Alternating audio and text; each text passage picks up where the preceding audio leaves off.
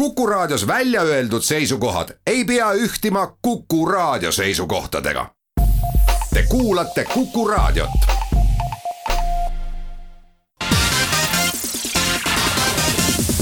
nädala Tegija. nädala Tegija alustab, tere päevast, head raadiokuulajad. homme ja ülehomme toimuvad Kadrioru staadionil Eesti meistrivõistlused kergejõustikus ja selle tõttu on väga sobilik alustada juttu spordist, kergejõustikust. ja saates külas on meil täna mees, kes selle hooaja alguses on vist, panen siia küsimuse, teinud oma kõigi aegade parima hooaja alguse. tere päevast, Rasmus Mägi ja kas mu väide oli õige? tervist väide peaks olema õige jah, et ma ei ole nüüd äh, nii täpselt ise kalkuleerinud, aga, aga see on küll fakt jah, et äh, järjestikuseid jookse hooaja alguses alla neljakümne üheksa sekundi mul varem kindlasti pole ja. ja on korra õnnestunud see, ma arvan, peale Riia olümpiat kahe tuhande kuueteistkümnendal aastal aga jah, praegune selline võib-olla enesekindlus jooksudes ja, ja mugavus äh, on mu enda jaoks ka natukene uuel tasemel räägime viimasest pooleteise aasta, pooleteisest aastast äh, selles kontekstis, et äh, no tugitoolisportlase jaoks on päris eh, hirmutav see koroonaperiood olnud, et ma olen kogu see aeg mõelnud, et noh, sportlane, et. okei okay,, rahvasportlasel jäävad mingid rahvajooksud ära ja siis tuntakse, et oh, meil on liiga tehtud ja ei saa siin välja elada ja oma teha, aga. tippsportlane, ta valmistub mingiteks võistlusteks, siis need võistlused jäävad ära või õigemini lükata olümpia-aasta edasi. pidevalt Eh, on mingid keelud, reisimispiirangud, kuidas kogu selles koroona tohuvabohus on olnud ettevalmistust teha? no kõige keerulisem aeg ikkagi oli, ma arvan, eelmine kevad, kui see kõik eh, puhkes ja, ja tegelikult need eesmärgid eh, lõigati siis sedasi küllaltki, küllaltki ootamatult läbi, et mis puudutab siis olümpiat ja EM jäeti sootuks ära, et et see oli, oli jah, kõige keerulisem aeg, et ühest küljest see otsus oli mõistetav, et olümpia lükatakse edasi. Äh, teisest küljest või ütleme, me kõik natukene ootasime seda, sellepärast et juba paari nädalaga tundus, et need valmistumistingimused on kõigil nii erinevad, aga samas, kui see, kui see otsus jõustus, siis äh, hakkas nagu vaikselt äh, kohale jõudma paari nädala jooksul, et mis see tegelikult tähendab, et kas, kas ma siis see hooaeg ei, ei saagi üldse võistelda ja, ja olümpial mitte võistlemine, et kui, kui noh, ütleme siis hakkas tulema see see igatsustunne olümpia osas, et, et nüüd õnneks kõik on laabunud ja, ja ma arvan, et viimane aasta tegelikult äh, on selles osas olnud lihtsam, et äh, me oleme saanud harjuda, kohaneda äh,. piirangud on ikkagi olnud enam-vähem selged, et mida saab, mida ei, ei saa, kuidas reisimine välja näeb et, äh, et ma ütleks, et alates sügisest on olnud kõik äh, nagu tippsportlase seisukoha pealt Eestis äh, pigem okei. Okay.. et on lubatud treenida, hallid on küll olnud tavapärasest tühjemad, aga, aga siiski jah, okei okay,, välislaagreid natukene jäi vähemaks, aga aga noh, kohanemisvõime spordis on ikkagi üsna oluline ja, ja need tingimused, mis meil siin Eestis ja, ja Tartus on, on piisavad, et äh, et siis jõuda heasse või väga heasse vormi. sa käisid äh, kahes laagris Türgis ja ütlesid, et äh, olid väga head tingimused. ma võin nüüd eksida, aga kas Türgi varem ei olnud sinu, kuidas ma ütlen, ettevalmistuse selline lemmikkohti? Äh, Türgi on lisandunud siin aastast äkki kaks tuhat kaheksateist, aga see on selgelt selline väga kvaliteetne ja ikkagi väga noh, ütleme tippsportlastele orienteeritud äh, baas, et, et varasemalt äh, me olime harjunud suhteliselt palju laagerdama. Äh, see hooaeg oligi paslik siis teha kaks väga kvaliteetsetes tingimustes laagrit ja, ja seal on kliima hea. kogu, kogu see keskkond ikkagi tippsportlasele väga-väga sobilik, et jah, tänaseks on sellest kujunenud üks võib-olla lemmikbaase ja, ja see hooaeg eelkõige valisime ka just turvalisuse tõttu selle koha, et et äh, kõik, mis vaja, on käe-jala juures, üks kompleks, võõrad inimesed sisse üldse sinna ei saa. et see oli ka üks põhi, põhiargument, miks sinna minna. kui palju noh, kuidas ma nüüd ütlen, maailma nimesid või rahvusvahelisel tasemel sportlasi sellistes baasides trenni teevad? Äh, noh, need riigid, kellel võib-olla siin kevadkuudel kliima päris selline pole, et äh, kodus harjutada, sealt ikkagi on suur osa tippsportlasi kohal, et, äh, et ja tegelikult seal on nii korvpallureid äh,, rugby tiime on olnud, et seal neid võimalusi on väga paljudele spordialadele, ujumine on alati esindatud, et. et noh, viimastes laagrites Hollandi koondis, Belgia koondis, Šveitsi koondis, Türgi kohalikud parimad kergejõustiklased saavad aasta, aasta läbi seal elada, treenida, et, et seda seltskonda ikkagi seal on vaatame nüüd seda hooaja algust, et eh, need jooksud, mis sa tegid, need läksid noh, kuidas nüüd öelda, sisuliselt võib öelda, et tõusvas laines. jah, oluline oligi valida need õiged kohad, kus hooaega alustada ja ja kuidas seda teha, et kõigepealt sain ennast natukene lahti joosta Käärikul teatejooksudel et äh, see kindlasti andis sellise esmase ülevaate ja, ja mille pealt oli siis hea minna juba tõket jooksma, et. Äh, et jooksud olid äh, tõusvas laines, mõnest jooksust võib-olla ootasin isegi natukene rohkemat, et aga. aga samas need situatsioonid on olnud niivõrd erinevad ja iga jooks samamoodi erinev, et, et kokkuvõttes tuleb ikkagi nende võimalustega pigem rahul olla. kui vaadata nüüd lähenevat nädalavahetust, Eesti meistrivõistlusi, siis sa oma lemmikalal Eesti meistrivõistlustel kaasa ei tee jah, Eesti meistrivõistlustel stardin puhtas neljasaja meetri jooksus, et. et ühest küljest neid tõkkejookse on olnud piisavalt ja ka läinud nädalavahetusel siis võistlesin kahel järjestikusel päeval, et kõigepealt siis neljasaja meetri tõkkejooksus ja siis nelja kord neljasaja meetri jooksus. et just olümpiat silmas pidades ja, ja ka neid lähe lähimaid äh, neljasaja meetri tõkkejookse silmas pidades tundus äh, mõistlik ennast äh, siis puhtas neljasajas testida, et see tegelikult on ka varasemalt või varasematel aastatel alati hästi toiminud enne Riia olümpiat. ja, ja ka varem, et, et neljasaja meetri jooks, noh, mu enda jaoks on just huvitav näha, mis see siis tase puhtas neljasajas pakkudelt on, teades, et, et neli jooksu kõik neljasajas tõkkes on olnud alla neljakümne üheksa sekundi, et. et ma usun, et see jah, annab sellise hea ülevaate ja, ja ega neid võimalusi tõkkejooksjal ennast puhtas distantsis proovile panna nüüd ülemääraga pole, et. et ma usun ja loodan, et homme selleks on, on üks sobivamaid hetki see hooaeg. ma vaatasin äh, ülekandes seda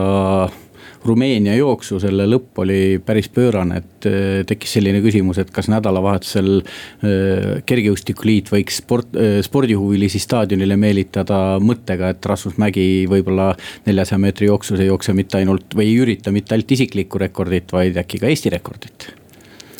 No neid mõtteid on mul olnud ka jah, varasematel aastatel, et neljasaja meetri jooks on selline, mis nõuab natukene rohkem jooksmist, et, et paraku ma olengi saanud siin erinevatel hooaegadel üks-kaks korda joosta ja alati jooksu järel on selline tunne, et et jooksin justkui samamoodi nagu tõketega, lihtsalt et tõkkeid ei olnud ees, aga, aga see tegelik distantsi anatoomia ikkagi on, on teistsugune ja, ja seda on vaja natuke rohkem tundma õppida, et. ma loodan, et need teatejooksudes tehtud jooksud on seda tunnetust jah, parandanud ja, ja noh miks, miks mitte. kuulame siinkohal pisut reklaami, jätkame juttu Rasmus Mägiga pärast seda. nädala Tegija. nädala Tegija jätkab, saates täna külas meie kergejõustikukoondise liider hetkel Rasmus Mägi. mina olen Meelis Atonen, spordisõber. olümpiani on nüüd loetud nädalad, võib öelda, või tegelikult päris olümpia alguseni on umbes kuu sinu ala alguseni on natukene rohkem. mis sul plaanis on veel pärast nüüd Eesti meistrivõistlusi enne olümpiat? kuidas valmistutakse viimast lihvi? no peale Estikaid siis jah, on veel ees ootamas üks-kaks, maksimaalselt äh, kolm jooksu äh, tõketega et see loksub siin, ma arvan, lähima nädala jooksul paika, aga aga nendest jooksudest mu enda jaoks isegi võib-olla kõige olulisem on see, et saaks ka sellise kasvõi nädala kuni kahepikkuse treeningtsükli teha sisse, kus siis natukene treeningutega selles mõttes ennast äh, turgutada, et praegune see rütm on olnud selline, et äh, võistlus on ikkagi küllaltki võistluse otsas olnud ja. ja sellist äh, noh, ütleme, tavapärast rutiinset treeningtegevust jääb järjest vähemaks, et, et see on paras kunst, kuidas see kõik kokku sobitada, aga, aga see aeg kindlasti, kindlasti siin juuli, ütleme noh, keskpaiku tuleb ja ja seejärel juba sõidame siis edasi Jaapanisse eellaagrisse, et äh, olla kohanenud nii ajavahe kui, kui ka kliimaga, et. Äh, et selles mõttes juuli jah, tuleb kindlasti, kindlasti tihe, aga tuleb ka elu ilmselt üks äh, põnevamaid aegasid. Lähme korra päris ajas tagasi. sinu isa ja ema mõlemad on no Eesti mõistes ikka kõvad sportlased. ma vaatasin täpselt järgi, isa neljasaja meetri rekord oli vist nelikümmend kaheksa, kaks ja emal on viiskümmend seitse koma null viis. no ma ei tea, kas Eestis teist sellist paari vastu on panna, aga, aga ma mõtlesin, et kui nüüd sellesse perre ka sinu õde on olnud, Maris on ju olnud Eesti absoluutses tipus jooksja ja et kui nüüd sünnid sellisesse perre ja oled, ma ei tea, viie-kuueaastane, kui elus hakkavad mingid esimesed valikud tekkima, et. et mis meeldib ja niimoodi, et äh, said ise valida või, või läks see juba loomulikku rada, et, et trenni ja? Sain ikka ise valida, kui, kui konkreetselt äh, distantsist rääkida, siis ega selles vanuses ja ma arvan, kümneaastaselt, äh, neljateistaastaselt äh,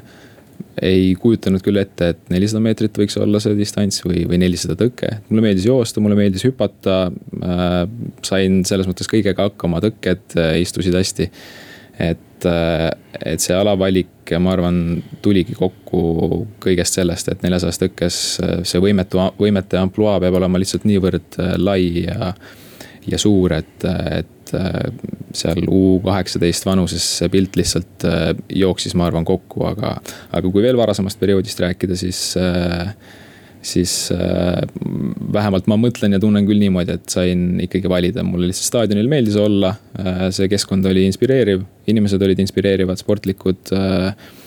Ehm, aktiivsed, terved, nii edasi, et. Äh, et see kõik kuidagi ikkagi tõmbas ja, ja kõnetas ja, ja ma ei väsi ka kordamast seda, et äh, Tartu Ülikooli siis äh, spordiklubi staadion on lihtsalt niivõrd erilises kohas olnud, et see kuidagi kõnetas juba, juba noorest saati, et, et neid tegevusi, kui parasjagu ise ei treeninud, oli välja mõelda siis meeletult. kui nüüd rääkida sinu karjäärist ja sellest, mis Eestis lähiajal tulemas spordis on, siis sina ju võitsid ka U kakskümmend kolm meistrivõistlustel medali ja, ja Eestis tulevad eh, nüüd lähinädalatel eh, kaks tiitlivõistlust, üks tuleb ette planeeritud U kakskümmend Euroopa meistrivõistlused ja siis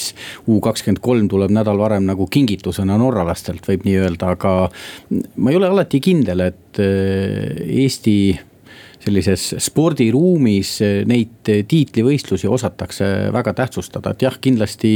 kergejõustikuringkondades saadakse hästi aru, aga. aga võib-olla sina ise selle kadalipu läbinuna ja hiljem ka noh, läbilöönuna täiskasvanute hulgas oskad öelda, et, et kui tähtsad sellised eh, vahepealsed tiitlivõistlused noortele, kes veel täiskasvanute hulgas ei ole päris läbi löönud, on no need on ikkagi esimesed sammud, kus me saame aimu siis, milline see karussell on ja mis meid ees ootab ja nii vormi ajastamise kui, kui kõige poolest, enda realiseerimise poolest, et see on meeletult oluline, et mul õnnestus tegelikult ka kodupubliku ees võistelda siis eh, noh, samal võistlusel, mis siin tulemas on, U kakskümmend EM-il. et eh, noh, vähestel tegelikult on see võimalus eh, kodupubliku ees mingilgi tiitlivõistlusel võistelda, et eestlased said sellega toona hästi hakkama.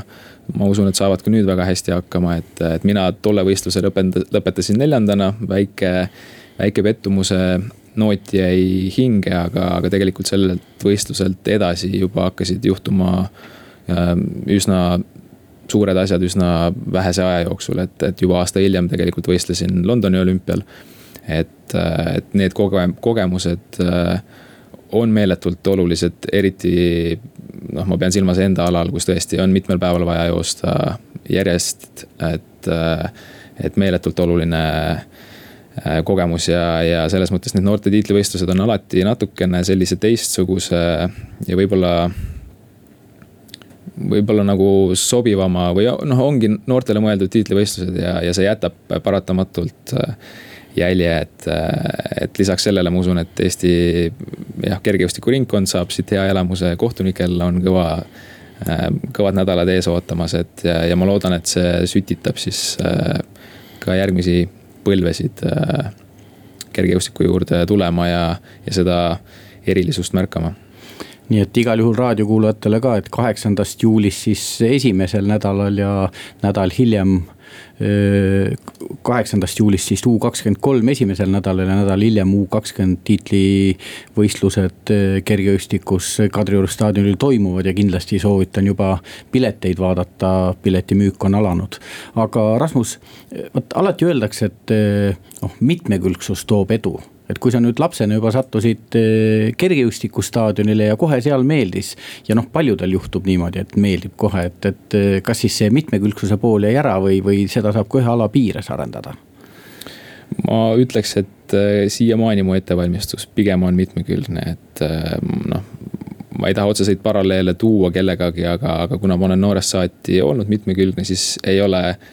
mõtet seda trumpi nagu täielikult äh, ära kaotada, et loomulikult praeguseks hetkeks see on väga alaspetsiifiline, aga teisest küljest ma tunnen, et just see ütleme, mitmekülgsed võimed äh, on need, mis siis äh, noh, aitavad mul erinevates oludes kas paremini kohaneda või, või mingitel vajaminevatel hetkedel võimeid kompenseerida kuidagi, et.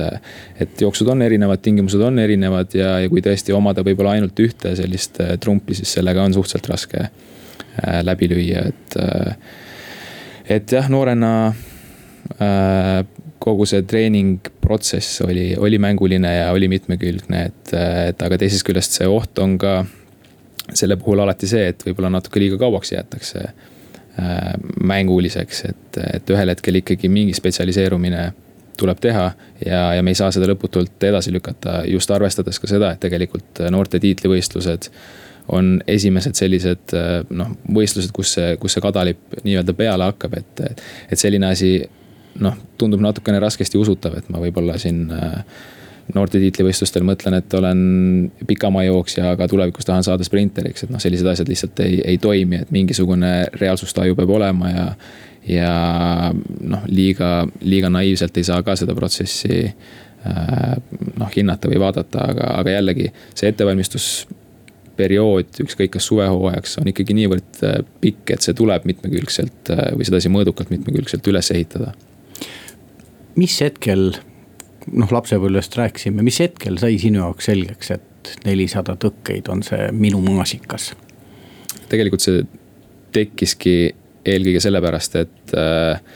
alla kaheksateist aastast äh, siis äh, maailmameistrivõistlused olid toimumas ja me ei leidnud muud sobivat ala, kuidas sinna pääseda või, või kuidas sinna saada, mu suur, suur soov oli seal võistelda aga, aga noh, saja meetri jooks oli selgelt mängust väljas, kuna tolleks hetkeks äh, oma sellise äh, nooruspõlve kiiruse olin natukene kasvamise tõttu kaotanud. Äh, hüpped ei kõnetanud mind ka päris nii palju. mitmevõistlus samamoodi, et, et mulle lihtsalt meeldis joosta ja jooksualadest kõige sobivam tunduski neljasaja meetri tõkkejooks ja, ja sinna pääsesin, võistlesin ära ja ega sealt nagu tagasivaatamist kui sellist äh, tegelikult äh, olnud ei ole, et jah, eks ma olen siin mänginud ühe või teise alaga ka Äh, aastate jooksul, et, et teinud mingeid hüppealasid sekka, aga, aga just nimelt jooksmises on, on mingisugune võlu, mis mind äh, kõige rohkem paelub. kas selle valiku tegemise hetkel, võib-olla ma küsin väga profaanliku küsimuse, aga sellist tunnet, et jooksus on ju need tumedanahalised ja noh, justkui looduse poolt andekamad, et nemad on seal noh kuidas ma ütlen, rohkem sisse löömas, seda hirmu ei olnud, seda mõtet või, või, või nii ei tohi mõelda üldse, kui tahad tippu saada? ma arvan, et mul olid äh, õiged inimesed kõrval, kes äh, suutsid seda siis niimoodi arusaadavalt äh, selgitada, et, et mis on võib-olla ühe mehe trump ja, ja mis on teise, teise miinus, et sellepärast ka neljasaja meetri tõkkejooks võib-olla jäi rohkem lauale, et, et kui oluline seal on see rütm ja rütmitunnetus ja taju. et, et noh, see on, see on miski, millega on võimalik edastada ka neid, kes võib-olla põhikiiruselt sinust on, on kiiremad ja, ja paremad, aga eks hirme loomulikult selles mõttes me ju ei, ei teadnud ka nii täpselt, mida tähendab jooksmine viiekümne viie sekundiga või viiekümne kahega või, või neljakümne üheksaga, et. et neid on, on pidevalt, aga samas just see distants ise ongi piisavalt võlunud, et otsida muudkui uusi lahendusi ja, ja lähenemisi ja. ja tegelikult ongi, et noh, jooksed võib-olla esimest korda alla viiekümne sekundi ja ühest küljest oled küll rõõmus, aga juba näed, mida saaks teha paremini, et et ennast või endast veel rohkem välja võtta, et, et noh, ma ütlen, et see protsess ei olnudki nagu selles mõttes niimoodi üles ehitatud või ei pidanud niimoodi minema, et ma nüüd kuueteistaastaselt tulen ja, ja teatan, et see ala ja ma tahan saada nii kiireks jooksjaks. vaid pigem see kõik tundus, tundus huvitav.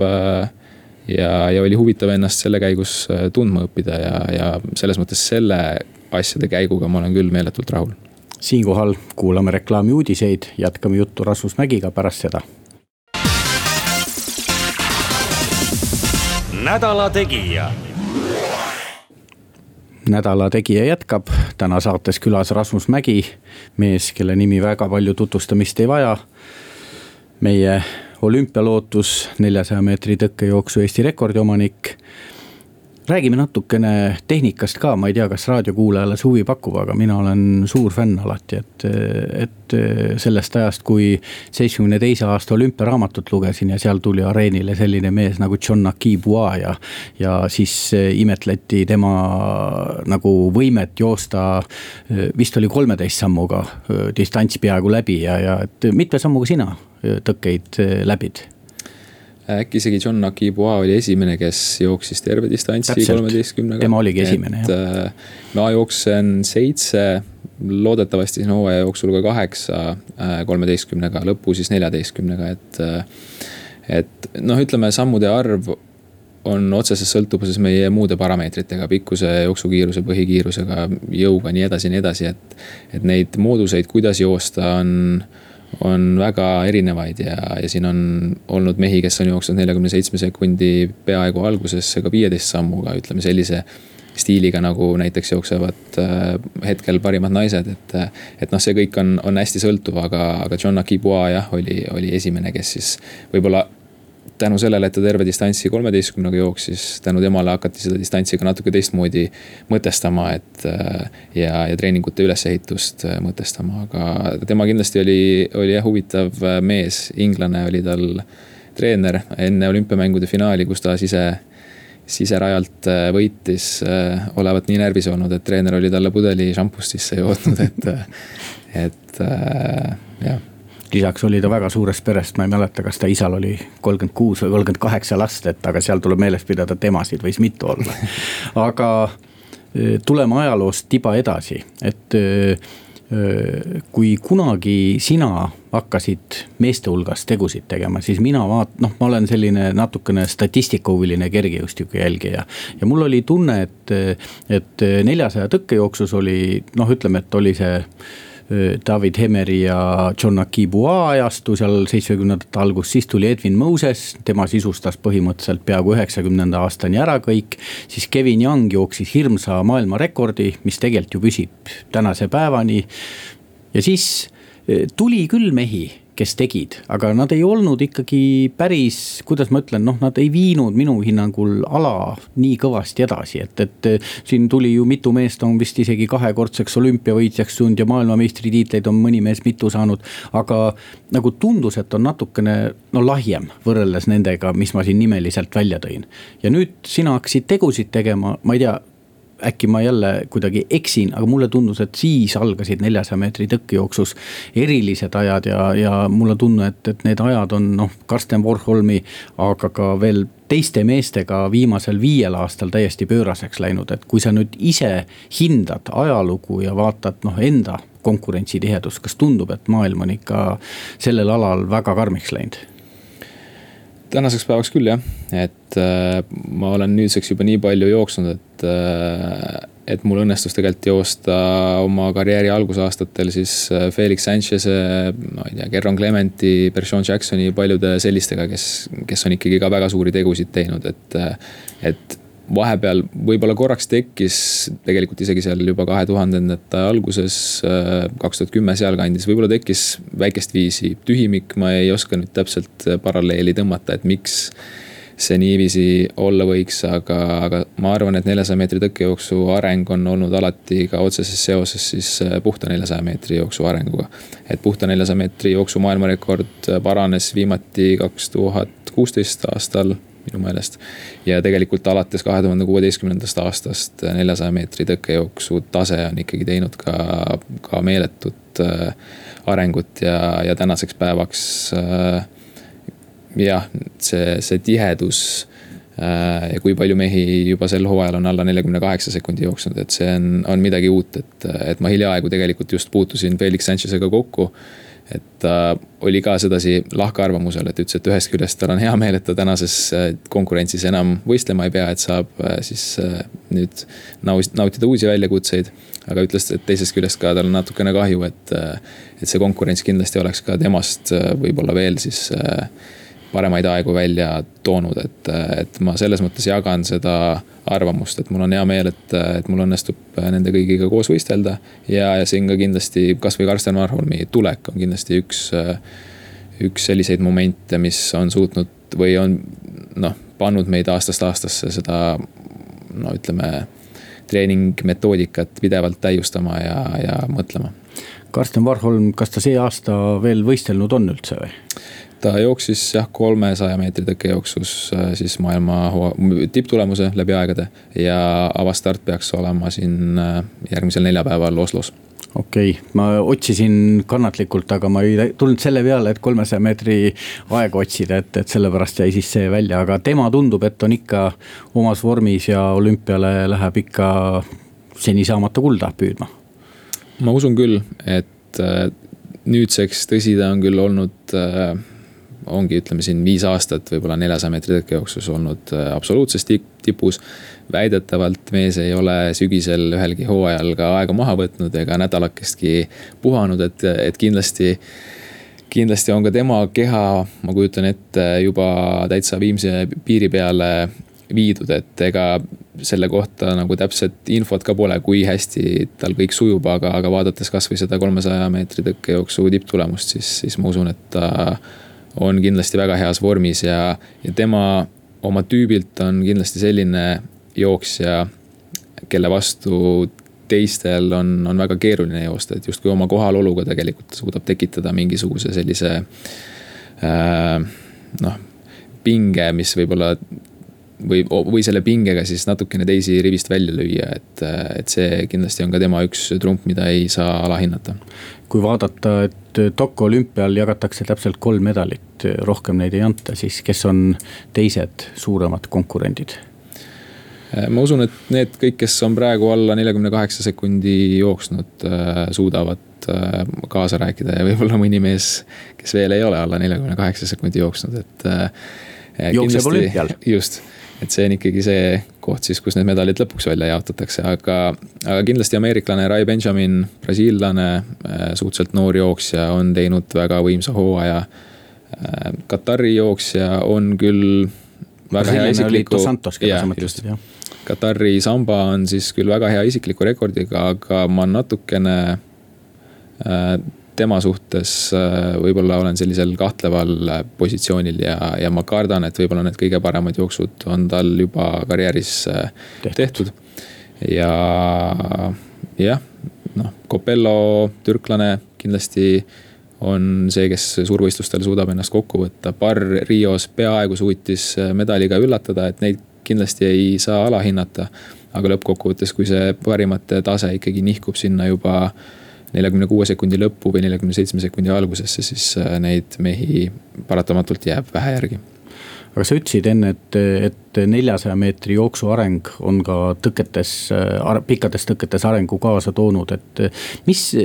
noh Mi-, mis see, mis on see võlusõna või, või mis on see põhjus, miks vahepeal on nii, et, et noh, ma ei saa ju, me ei saa ju öelda, et, et neljasaja meetri jooksus vahepeal elu seisis, et joosti küll ja lihtsalt tuli väga kiire mees, kes kõik Lõuna-Aafrikast, kes kõik üle jooksis ja uue rekordi tegi, aga mis on need faktorid, mis nagu noh, ma ei oska öelda, ala edasi viivad, ka tõketes näiteks no miks see vahepeal edasi ei läinud, ma ütlen, et kindlasti me peame otsima üleüldisest siis ajastust mingisuguseid äh, paralleele, et nelisada meetrit, neljasaja meetri tõkke jaoks kindlasti on väga sellised äh, aeganõudvad alad just treeningprotsessi mõttes. nõuavad väga suurt kannatust, väga suurt töövõimet, et, et võib-olla see kõik mingil hetkel jäi natukene unarusse, et, et jällegi noh, ma sellist analüüsi ei ole teinud, aga, aga mis neljasajas tõkkes kindlasti seda edasi viib, loomulikult äh, kiirus on, on põhiline võime. Äh, selline spetsiifiline erialane vastupidavus. Äh, noh, veel kord, kui me räägime, mis siin aegade jooksul muutunud on, siis ka kogu see sporditeadus ikkagi teeb arengu või no ütleme, areneb pidevalt ja, ja võib-olla neid otseseid siis sporditeaduse arenguvilju, et neid integreerida treeningprotsessi, see võtab samamoodi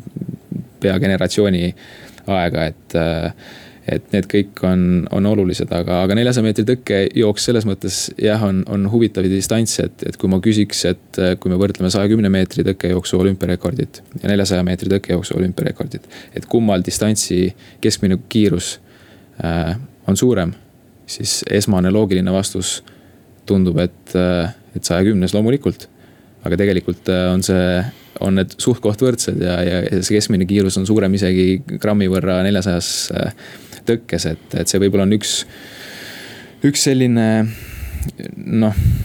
asi, mida tihti võib-olla alahinnatakse, aga teisest küljest, kuna neljasajas tõkkes on ka tõkked ees, siis äh, seda kiirust lõpuni sinna integreerida ongi niivõrd raske, et, et meil on ka praegu mees, kes on suuteline neljasajas tõkkes jooksma sada meetrit alla kümne sekundi aga ühel hetkel ta lihtsalt on nii kiire, et seda kiirust võib-olla sobitada sinna tõkke vahedesse on, on meeletult äh, keeruline, et igal asjal on oma, oma tasakaal ja, ja need proportsioonid ja just selles mõttes ongi see rütm meeletult oluline, et kuidas me ennast seal realiseerida suudame. siinkohal kuulame pisut reklaami, juttu Rasmus Mägiga, jätkame pärast seda. Nädala Tegija. nädala Tegija jätkab saates külas Rasmus Mägi, meie tõkkejooksu au ja kuulsus. mina olen Meelis Atonen, spordi, spordisõber ja räägime siis tõkkejooksu juttu edasi, et tegelikult eelmise veerandi lõpus äh, sa juba ütlesid, et äh, päris palju tuleb nagu leida neid mooduseid, kuidas noh, kiirust piltlikult öeldes sinna rajale saada, et, et, et suuta ka neid tõkkeid kiiremini ületada ja. Äh, teil on oma peretiim, kui nii võib öelda, aga kus te veel lisa ma ei oska öelda, teadmisi või, või infot hangite, kellega te koostööd teete, kuidas see asi toimib? ma arvan, et kõige olulisemad ongi ka treenerite ja, ja minu jaoks olnud äh, välisvõistlused, et paratamatult välisvõistlustel tekib erinevaid äh, kontakte. Äh, noh, olümpiamängudel, MM-idel me ju näeme otseselt, mida teevad konkurendid ja, ja kuidas nad seda teevad ja nii edasi ja nii edasi. et, et need hetked kindlasti on olnud treenerite jaoks kõige sellised noh arendavamad, ma kujutan ette, et, et mul on hea meel, et nad on oma õpilastega siis juba enne mind kõiksugu noorte tiitlivõistlused äh, läbi teinud ja, ja kindlasti sealt palju tarkust ammutanud, et, et see võib-olla on esmane selline vastus, et kust, kust veel saada, et, et kui ei teki isegi sellist otsest konk-, noh, nagu ütleme, inimest, kellega koostööd teha, siis, siis paratamatult see, see pilti avardab, kui me teisi näeme aga eks neid äh, väikest viisi nõuandjaid on äh, ikka tekkinud äh, siit-sealt, et ma usun, et meil on ka Eestis tegelikult seda teavet olemas, kui me, kui me õiged inimesed üles leiame, et kelle siis kogemusi arvesse võtta või, või kellelt abi saada, et kui, kui osata küsida, et. et pigem oleme ka siin avatud ja, ja kõikide teiste treenerite noh tarkus ikka kulub marjaks ära, et on see siis mu ema endine treener või, või äh, kõik, kes on, on isa omal ajal aidanud, et, et seda kõike nagu kuulda ja kuulata on, on huvitav. kas, äh, kas ema endine treener on Leonhard Soom? Nonii, saime selle ka välja öelda. Äh, kui vaadata sinu karjääri, siis sina otsustasid Eestisse jääda. iseenesest ma ei tea, äkki ma eksin, aga noh, kui vaadata natukene kaugemasse minevikku siis ikkagi Ameerika Ühendriigid noh, domineerisid ja mulle tundub, et väga paljud need sportlased, kes võib-olla praegu ei esinda küll Ameerika Ühendriike, aga ikkagi enamik neist tuleb vist sealt Ameerika ülikoolide köögist, kui nii võib öelda. kas see Ameerika nagu domineerimine neljasaja meetri tõkkejooksus, no noh, ma ei tea, know-how poolest on, on õige ja teiselt poolt küsin, et kas sa oled kunagi mõelnud noh, sul on karjäär tegelikult hästi läinud, et, et, et sa ei ole kindlasti valet valikut teinud, aga oled mõelnud, et mis võinuks juhtuda, kui oleks äkki ma olen mõelnud nii palju, et, et tõenäoliselt see Ameerika elu või ütleme, see just see ülikooli pool oleks huvitav ja, ja saada sealt haridus oleks kindlasti vajalik, aga, aga teisest küljest ma julgen ka otse välja öelda selle, et mulle pigem ei meeldi see, kui me liiga kergekäeliselt saadame kõik äh, Eestist oma treenerite juurest ära, et, et ma arvan, et see, kuidas neid valikuid tehakse, et kuhu minna me võib-olla ei mõtle seda päris äh, süvitsi läbi ja tegelikult me ei tea, mis meid seal ees ootab ja, ja võib-olla ei oska ennast ka ette valmistada selleks, mis meid seal ees ootab, et see kohanemise protsess tegelikult ma ütleks, et on, on äh, aastatepikkune ja võib-olla selleks hetkeks, kui USA-s äh, haridus on käes ja justkui võiks ka siis nagu need treeningud toimima hakata, tegelikult on aeg sealt tagasi tulla ja uuesti siin ümber harjuda, et mulle pigem meeldiks see, kui me tõesti kaardistame ära selle olukorra siin ja, ja, ja leiame ümber, äh, endale ümber need inimesed, kes meid on võimalik äh, või on valmis kodustes tingimustes aitama ja, ja ma arvan, et seeläbi me viime ka siinsete treenerite kvaliteeti edasi, et, et see, ma arvan, ei ole kõige parem lahendus, kui me siit kasvatame sportlasi ette ja, ja siis anname nad nagu USA-s, et loomulikult kätt ei saa selles mõttes ette panna. aga, aga ma arvan, et meil on kõva arenguruum selles osas, et, et kuidas teha see valik, et kas minna, kuhu minna, mis tingimustel minna, et, et rohkem jah, ütleme kiusatust ega kimbatust mul Ameerika osas olnud ei ole ja kui ma päris aus olen, siis mingil põhjusel mulle ka neid kutseid sinna ei saadetud peale kaheteistkümnenda klassi lõpetamist, et äh, ei, ei tundunud vist atraktiivne äh, valik. Kas äh, sinu jutust äh, võiks aru saada, et tegelikult Eestis võib-olla puudub ma ei oska nüüd, see mõte noh, tuli ka mulle nii värskena, et ma ei oska võib-olla päris õigesti seda öelda ja ma ei taha kellegi suhtes kriitiline olla. ja võib-olla polegi põhjust, aga et võib-olla võiks meil olla mingi selline noh, meil, meil on olemas Audentes'es õppimise võimalus, kus siis keskkoolis saab nagu noor inimene. Eh, noh, kuidas ma ütlen, pühenduda spordile ja õpi, õppida, aga et kas võiks olla Eestis äkki mingi selline. ma ei tea, kas alaliidu juures, olümpiakomitee juures eh, selline keskus, kes siis aitab eh, tudengiealiste noorte või siis ütleme, peale gümnaasiumi noortel otsida oma teed ja, ja, ja võib-olla siis eh, teha ka rohkem koostööd treenerite vahel ja tunda rohkem huvi? no koostöö treenerite vahel kindlasti on, on meeletult oluline ja, ja seda ei saa olla kunagi piisavalt, ma arvan, et ja, ja hetkel loomulikult seda ma näen, et seda võiks olla rohkem ja see võiks olla ka kergejõustikumaailmas äh, hoopis avatum, et, et kui no, kergejõustikust rääkida, siis, siis need põhjused, miks treenerid võib-olla ülemäära koostööd mitte ainult Eestis, vaid ka maailmas ei tee. on, on tegelikult väga, väga lihtsad, et äh, aga, aga kui rääkida jah, mul ei ole ka etteheiteid selles mõttes kellelegi teha, aga kindlasti mingi selline karjääri võib-olla planeerimise üksus äh, igal juhul mingi organisatsiooni juurde kuluks ära, et, et tõesti kõik saaks teha parimad valikad, et valikud, et Ameerika puhul on see fenomen, et ta, ta kindlasti põlub inimesi ja, ja võib põluda jäädavalt ja, ja võib-olla lõppkokkuvõttes me ei saagi nagu siis teada, et kas see oli kõige õigem valik või, või kui palju see meile juurde andis, et. et ma arvan, et nende asjade läbimõtlemisel jah, on, on suur varu ma olen ise ka vaadanud, et teinekord eh, noor inimene lõpetab gümnaasiumi ja ta kaob ära nagu areeni pealt ja siis olen mõeldud, et huvitav, kas alaliidus või kuskil on inimene, et noh, ma saan aru, et kedagi ei saa sundida sporti tegema, et noh, mõni võib-olla tüdineski ära ja kõik. aga et, et eh, noh, võib-olla teinekord aitaks ka sellest, kui keegi räägib ja küsib, et, et, et kas võib olla, et see, sellest on puudus absoluutselt, ma enda põhjal juba või ütleme, kasvõi natukene laiemalt ringi vaadates näen seda, et, et tihti paljude sportlaste puhul võib-olla see ainuke puuduolev osa ongi see, et keegi natukene seletaks seda ja, ja tutvustaks seda protsessi, mis, mis meid võib-olla ees on ootamas, mida üldsegi see äh, tippsportlase elu tähendab või, või kui palju see meile anda võiks ja nii edasi ja nii edasi, et neid, neid asju, mida noortele rääkida või, või seletada kasvõi tippsportlase pilgu läbi, et äh, neid, neid on kõvasti ja, ja, ja paratamatult tõesti paljud noored teevad oma otsused võib-olla natukene uisapäisa, mis, mis on, on loogiline. aga selles osas tahaks küll jah, pakkuda või et, et oleks mingisugune tugi, mida siis või millele noored saaksid, millelt abi saada no meie saade halastamatult hakkab lõpule jõudma, küsin, mis oleks Tokyos sinu jaoks eesmärk, mille järel, mille täitumisel saad öelda, et nüüd, nüüd läks hästi? noh, sprindidistantsidel ja tõkkejooksus alati peale jooksu tegelikult on küllalt hästi tunda, et kas, kas ma sain kõik endast kätte või mitte, et ma ei lähtu endiselt nii väga ajast, vaid just, et see distants äh, pakuks mulle lõpus selle tunde, et, et ma tõesti tundsin, et ma suutsin oma võimeid rakendada ja, ja kõik rajale jätta, et see on see, mida ma kõige rohkem siis äh, kõige rohkem ootan sellelt võistluselt ja, ja loomulikult kiiret aega, ega siin ei ole midagi selles mõttes tagasi ka hoida ennast